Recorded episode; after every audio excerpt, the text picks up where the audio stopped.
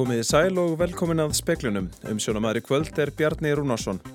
Samtök atvinnulífsins samþyktu verkbanna á alla félaga í eblingu með miklum meirulhuta atkvæða. Verkbann tekur gildi eftir rúma viku. Lauruglustjórun á Östurlandi hvetur fólk á svæðinu til þess að auka meðvitund sína um mögulegt öskjugós og kynna sér leifinningar. Leithvar nýju Allandsafsbandalagsríkja í Östur-Evrópu heita hver öðru stuðningi ef herrmaðar ógstæðjar að ríkjum þeirra. Þeir hittust á fundi í Varsjá í dag. Næsta MeToo vakning þyrti að varpa ljósi á ofbeldi í nánum samböndum að mati profesors við Háskólan á Akureyri. Hún segir ofmarkar konur hér á landi búa við lífshættulegt ofbeldi sem haldið sér leindu æfi langt. Minningagreinar eru bókmentaverk og því ekki hægt að byrta þær að hluta eða heild nema með leifi höfundar. Þetta er niðurstaða Hérastóms Reykjanes vegna skrifa mannlífs upp úr minningagrein sem byrtist í morgunblæðinu.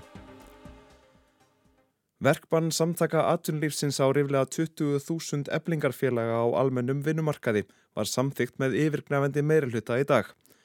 Atkvæðsréttum verkbannið höfðu öll aðaldafjölög SA á landinu, riflega 2000 talsins. Samkvæmt upplýsingum frá SA var vægi atkvæða með smikið eftir stærð fyrirtækja, þar sem það byggir á greittum félagsgjöldum til samtakana.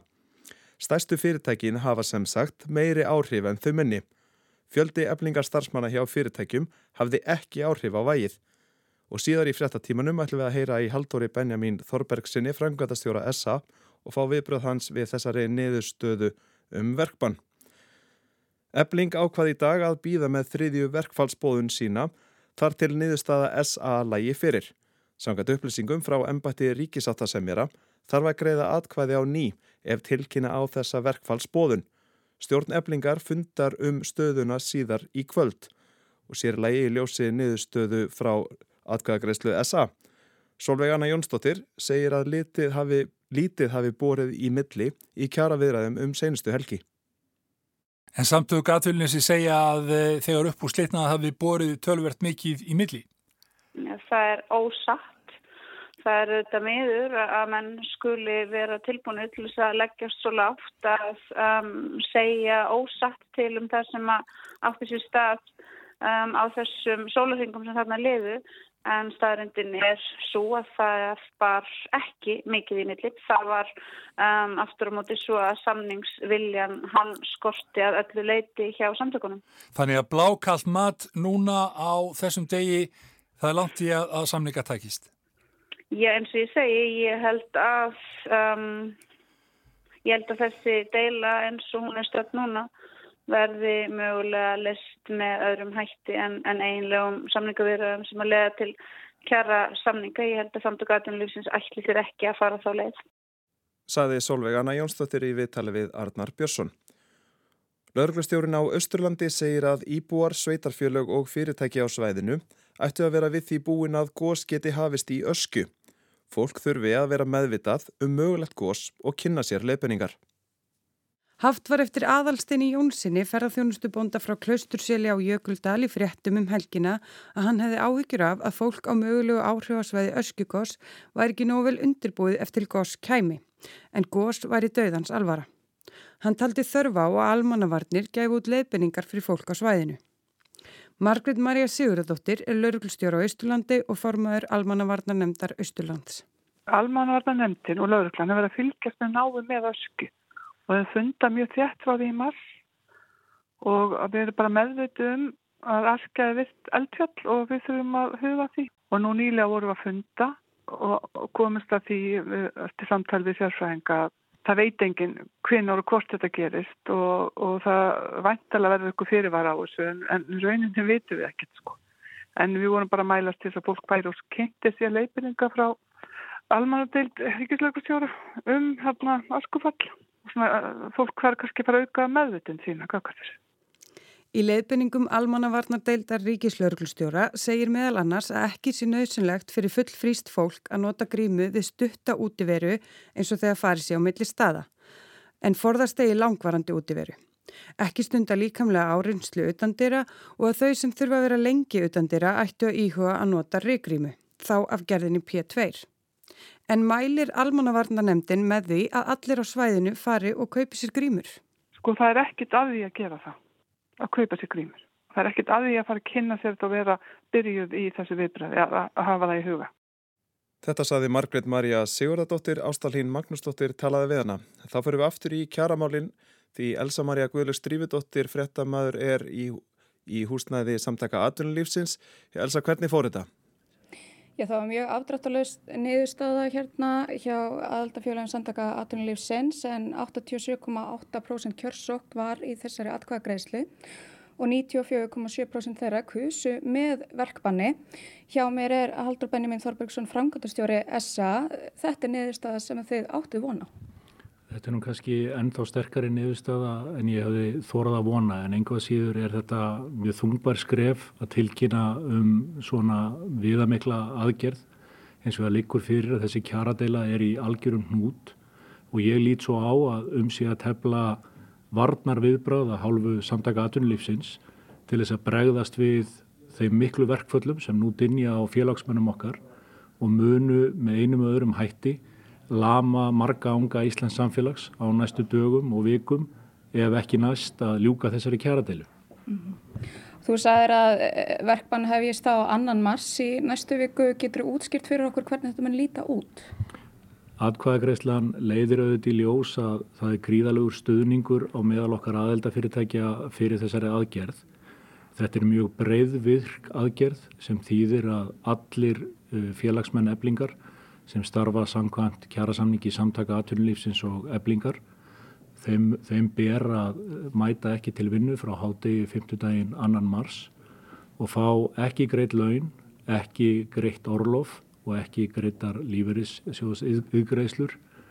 Þannig að þetta er eh, líklegt til þess að hafa mjög mikil áhrif á samfélagið og knýja á um úrlausn þessarar deilu. Við lítum hins vegar á og ég ítrekka það að við erum að bera hönd fyrir höfuð okkar félagsmanna og reyna að ná stjórn á þessum aðstæðum sem núna er að skapast vegna þessara verkfalla eblingar og þetta er síðasti valkostur okkar. Ég líti þetta sem algjör að nauðvörn en stundum verða ábyrgir aðilar einfallega stíga niður fæti og segja hingað og ekki lengra. Með þakka er fyrir haldarbænja mín, við ætlum að segja þetta gott hérðan úr borgatúnni í byli. Takk fyrir það Elsa Maria og við fylgjumst að sjálfsögða áfram með þessu bæði á vef og í sjómansvettum klukkan 7. Yfir í annað, dómur yfir rittstjóra og útgáfu félagi mannlífs byggir á að minningagreinar séu bókmenta verk. Því hafi verið brotið gegn sæmdar og höfundarétti með því að skrifa greinar upp úr þeim. Hérastómi Reykjanes stæmdi Reyni Traustasoni rittstjóra og Sólartún útgáfi félag mannlífs í dag til að greiða útgáfi félagi morgunblæsins og allar viðari Þorsteinsinni bætur. Á vef mannlífs byrtist grein sem var unnin upp úr minningargrein sem allir viðar skrifaðum bróður sinn. Dómari segir að minningar greina sér frumsamin verk og teljist við bókmentir. Það þýði að sá sem reyta greinin eigi höfundaréttin sem allir við þar hafi í þessu tilfelli framselt morgunblæðina hluta með því að senda minningar greinina þangað til byrtingar. Í lögum er heimil til að vitni í bladagreinar í öðrum miðlum en dómari segir það ekki eiga við í þessu tilfelli. Það sé vegna þess að minningargrein teljist ekki til dægurgreina um hagfræðileg efni, stjórnmál eða trúmál. Að auki hafi höfundur ekki verið nafngreindur og látin bróðir hans rángnömdur. Þar með hafi mannlíf bæði valdi allavíðari miska með skrifun sínum og ekki virt hann sem höfund greinarinnar. Morgumblaði hafi svo eftir framsal allavíðars átt engarétt á dreifingu minningargreinarinnar sem mannlíf hafi brotið gegn með því að skrifa upp úr henni og byrta á vefsinum. Brynjólfur Þór Guðmundsson saði frá.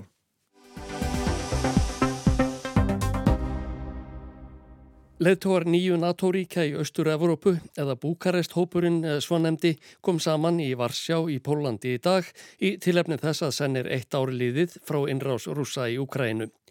Sérstakir gestir leðtóafundarins voru Joe Biden, bandaríkjaforsetti og Jens Stoltenberg, framkvamdastjóri NATO.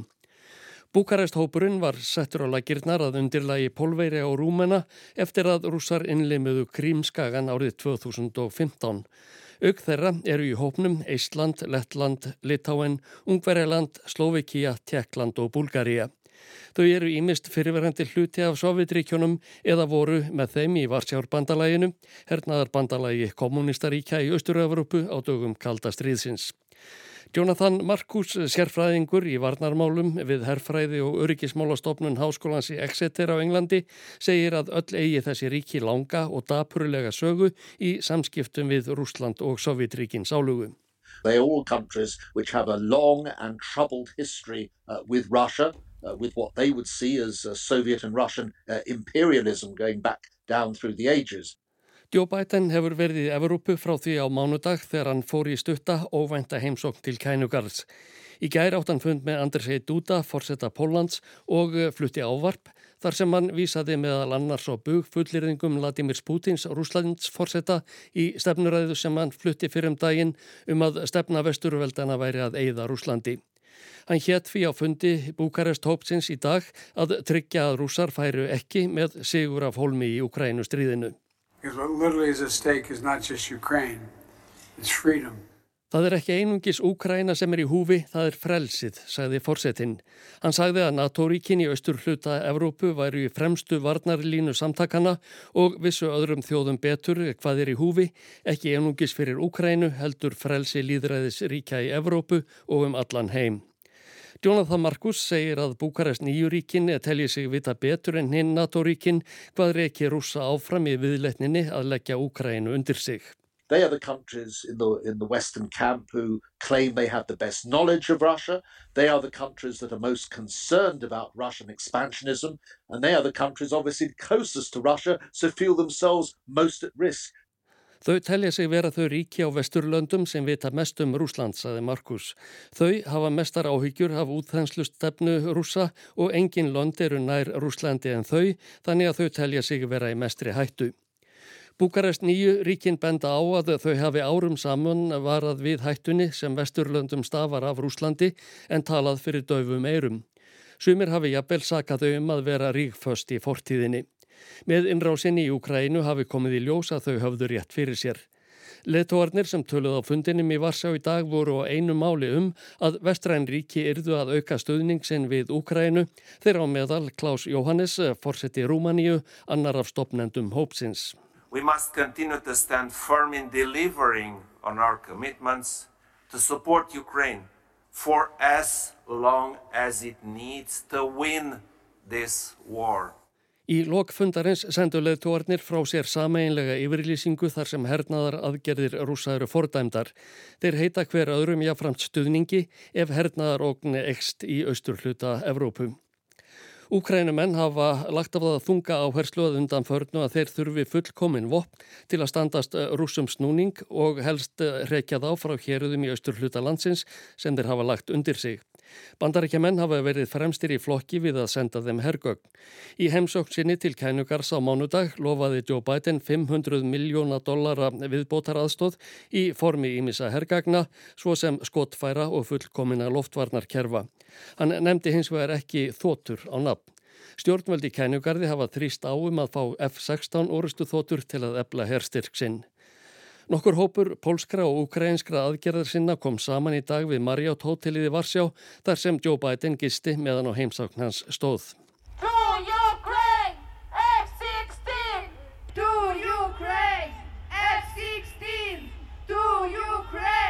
F-16 til Úkrænu hrópuðu aðgerðasinnarnir. Eitt þeirra, Dominika Lasota, sagði að fyrst Joe Biden væri í heimsókn í Varsjá, vildi hópurinn koma til hans þeim skilabóðum að senda orustu þótur og nöðsynlega hergögn til Úkrænu. As Joe Biden is visiting Warsaw right now, we as Ukrainian and Polish activists are here to deliver him a simple demand. Send fighter jets and the necessary weapons to Ukraine. Lasóta bætti við að hópurinn krefðist þess að útflutningu rúsa á ólíu og gasi til vesturlanda erði stöðvaður þegar í stað. Hún sagði að vestrænir leitóar töluðu stöðugt um samstöðu en hún var ekki til staðar þegar á reyndi. Hægt hefði verið að binda enda á hryllingin í Úkrænu á nokkrum dögum ef vesturveldin hefðu í raun og veru staðið sig í stikkinu. Ásker Tómasson tók saman.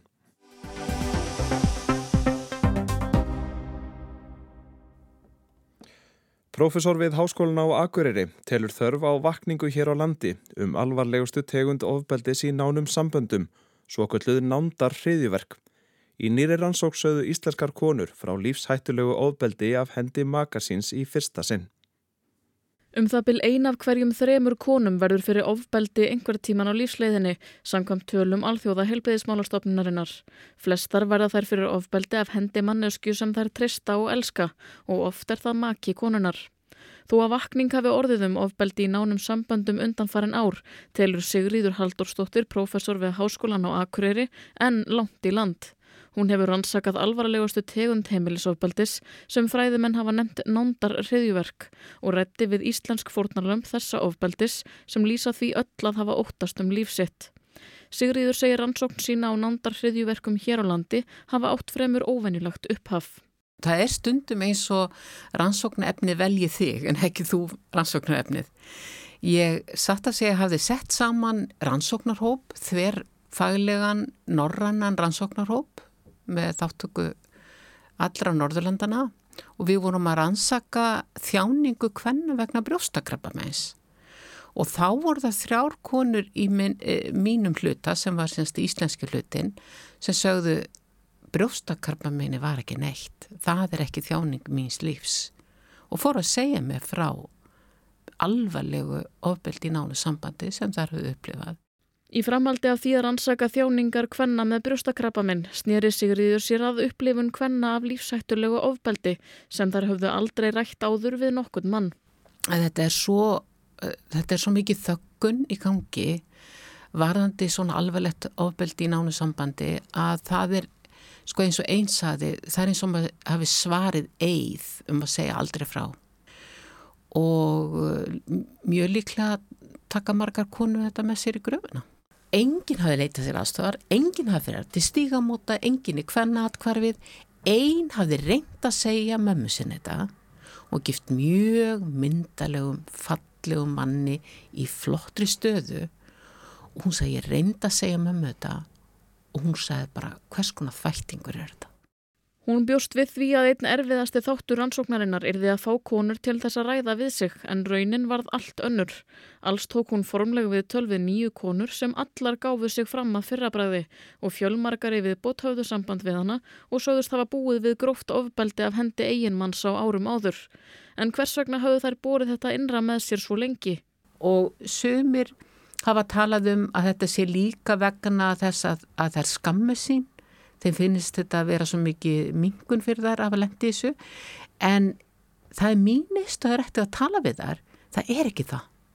Þær eru bara í það sem kallað survival mode, survival mode þar að segja þær hafa tilenga sér ákveðna aðferð að lifa af. Og þessar konur fannst mér bara að þær bara voru búin að taka þá innri ákvörðun. Ég ætl ekki að segja frá vegna þess að ef ég segi frá þá eigi líkunar á að hann drepi mig og ég veit að hann getur drepið mig. Um 60% allra döðsfalla hvenna í heiminum má reykja til ofbeldis, maka eða annara náina fjölskyldumæðlima. Sigriður segir að allar konurnar hafi upplifað sig í geni döðans og það hafi slegið sig einna mest hver ítrekað grundvallar mannréttindi hvennana voru brotin. Og þessar konur sögðu til dæmis við mig, sem ég tók djúp við tölvið, Ég hefði aldrei trúað því að einhver geti þakka svona niður í mér en þetta gerist smá saman. Og það gerist með orðum og það gerist með svona harkalegu andlegu opaldi, það gerist með nöðgun, allar hafðu upplifað nöðgun í hjónabandi og það gerist með kverkataki, allar hafðu upplifað þetta kverkatak. Og ein hún lísti því að eitt sinn þegar hann tók hana kverkataki að þá fann hún, það muniði hárspreitt að hún myndi deyja. Ekkert þessara sambanda hófstóa þennan hátt. Í rannsókninni var kortlagt hvernig ofbeldið ágerðist með tímanum og fóru gegnum fjóra megin fasa. Fyrsti fasin er í raun og veru inn í lókunastígið og þar eru mennirnir og nú er ég er bara að tala út frá þessi rannsókn, bara muna það kall mig geta líka lendi þessu.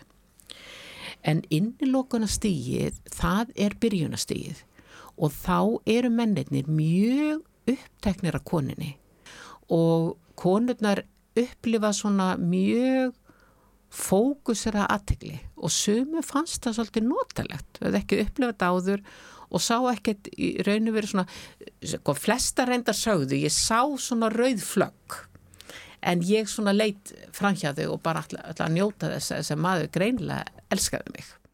Á innilokunarstíjunu voru ofbeldismennirnir uppteknir að því að einangra konurnar og fylgjast grant með öllum þeirra hreyfingum. Á þöggunarstíjunu fer svo andlega ofbeldið enn versnandi. Hún á bara að gera eins og hann er sagt og hann fer að ætlasti hlýðni og það er svona að hugsa ok, ég get þóla þetta og svo bara verður að verra og ég segja ok, ég get þóla þetta. Og það verður alltaf verra og verra. Þanga til að það eins og sloknar á koninni og það er þessi dauðafasi eða dauðastig. Það sem konurnar smásamar upplifa þær séu eins og andlega dauðar. Það ein, það sloknar allum tilfinningum og þær verða sko, eins og lifandi dauðar eins og það lístu þessu Þetta stig skilgreinir rannsóknin sem það hættulegasta af þeim öllum, ekki aðeins þar sem lífi kvennana var ítrekkað ógnað með grófu ofbeldi, heldur höfðu þær allar glimt við langvinn veikindi eftir ofbeldið.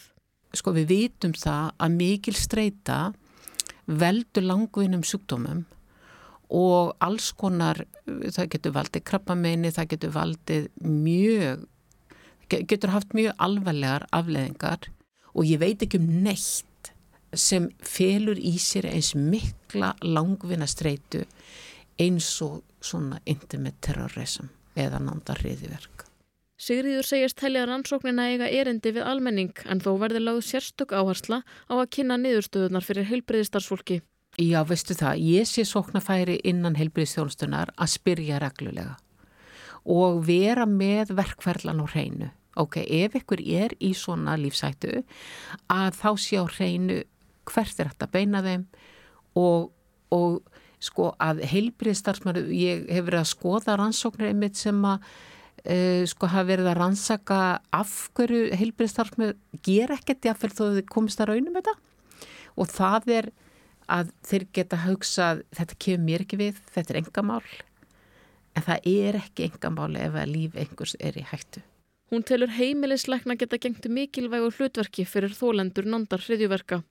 Við þurfum miklu fleiri heimilisleikna og þeir þurfum að hafa miklu lengri tíma með fólki þannig að, að þeir sem er í þessari aðstöðu hafa á tilfinningunni þetta er einstaklingu sem ég tristi og get sagt frá. Sigriður telur tímabært að næsta MeToo-vakning snúi að ofbeldi í nánum samböndum og að ofbeldi sér rætt opinskátt. Þá komist vonandi fleiri þólendur og fyrr í lokafasan sem grendur var í rannsókninni, svo kallað vakningar og batastig. Það er ljós við enda þessara myrku ganga sem að konunar upplifa sí að að sagt, leggja rætti sjálfa sig, finna sinn innri styrk á ný og þá getar þess að konur orði sterkar en nokkur sinni fyrir. Saði Sigriður Haldósdóttir, Ólafrún Erlendsdóttir tók saman.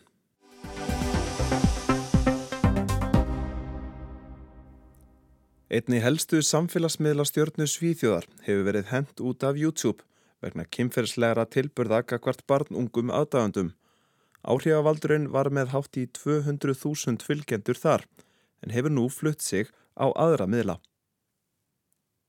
Pontus Rasmusson var um tíma ein af vinsælustu samfélagsmiðlastjórnum Svíþjóðar. Árið 2021 var hann, þá 23 ára, talinn 50 stærsti áhrifavaldur landsins.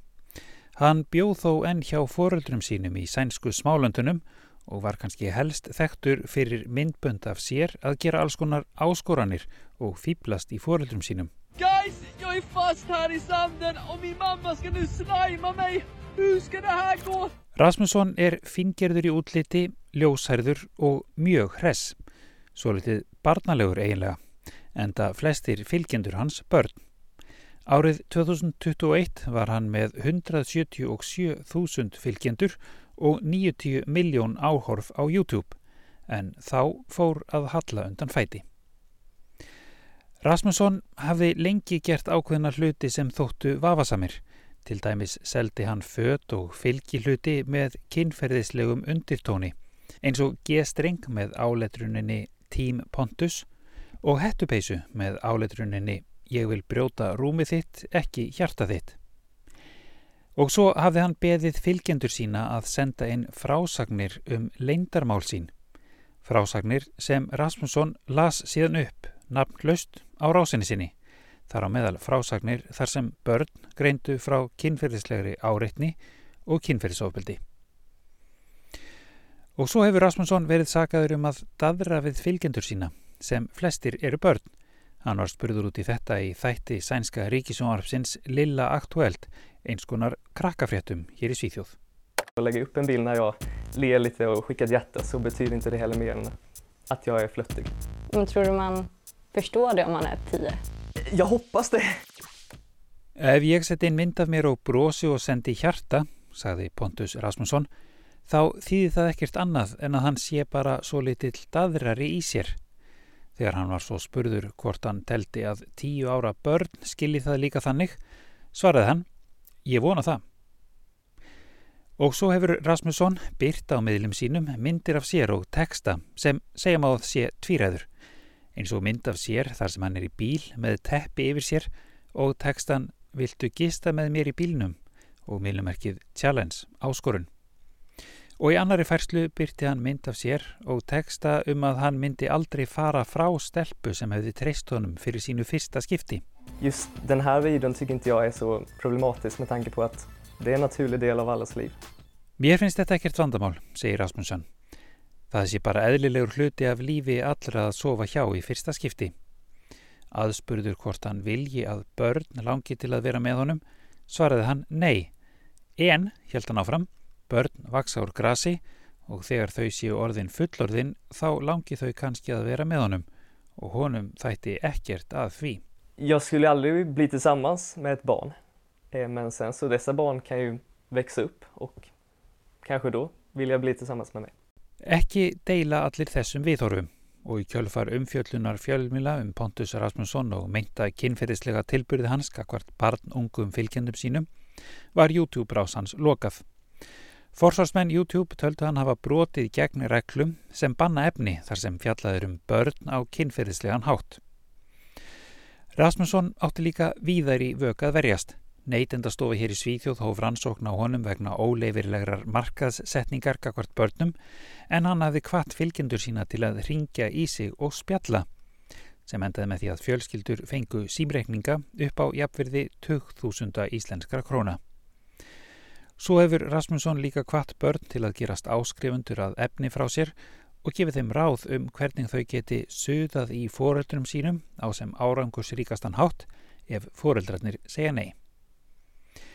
Neytendastofa lagði málið niður nú í februar eftir að Rasmusson tók niður innleikin sem hvartað var undan, baðst afsökunar og lofaði að gera þetta ekki aftur. Og þótt YouTube rás Pontusar Rasmusson hafi verið lokað er jú til aðrir miðlar. Hann er á Patreon þar sem hægt er að greiða fyrir aðgangað efni og TikTok þar sem hann setur reglulega inn efni og er með ríflega 300.000 fylgjendur og 8,5 miljón læka. Og nú fyrir valentínusardaginn í síðustu viku setti Rasmusson inn vídeo þar sem hann kvatti fólk til að taka tvo einstaklinga sem ættu vel saman. Í þræðinum undir hafði fjöldi táninga skrifað eitthvað á borð við Ég og þú, Pontus. Þetta er Kári Gilvason sem talar frá Gautaborg. Og það var helst í speiklunum í kvöld að samtök atvinnulífsins samþyktu verkbanna á alla félaga í eblingu með miklu meiri hluta atkvæða. Það hefst að óbreyttu annan mars. Framkvæmtastjóri SA segir um varnar aðgerða ræða gegn verkföllum eblingar. Lauruglustjórin á Östurlandi hvetur fólk á svæðinu til þess að auka meðvitund sína um mögulegt öskjukos og kynna sér leifbenningar. Letuar nýju Allandsafsbandalagsríkja í Östur-Evrópu heita hver annari stuðningi ef hernaðar og stæðjar að ríkjum þeirra. Næsta MeToo-vakning þyrti að varpa ljósi á ofbeldi í nánum samböndum að mati profesors við Háskólan á Akureyri. Hún segir ofmarkar konur hér á landi búa við lífshættulegt ofbeldi sem haldið sér leindu ævi langt. Lítum örstu til veðus, sunnan og suðvestan 8-15 metrar á sekundu en bætir heldur í vindi í nótt. Víða regning eða slitta með hita um eða yfir frostmarki en snjókoma og vakt frost á nordaustanverður landinu.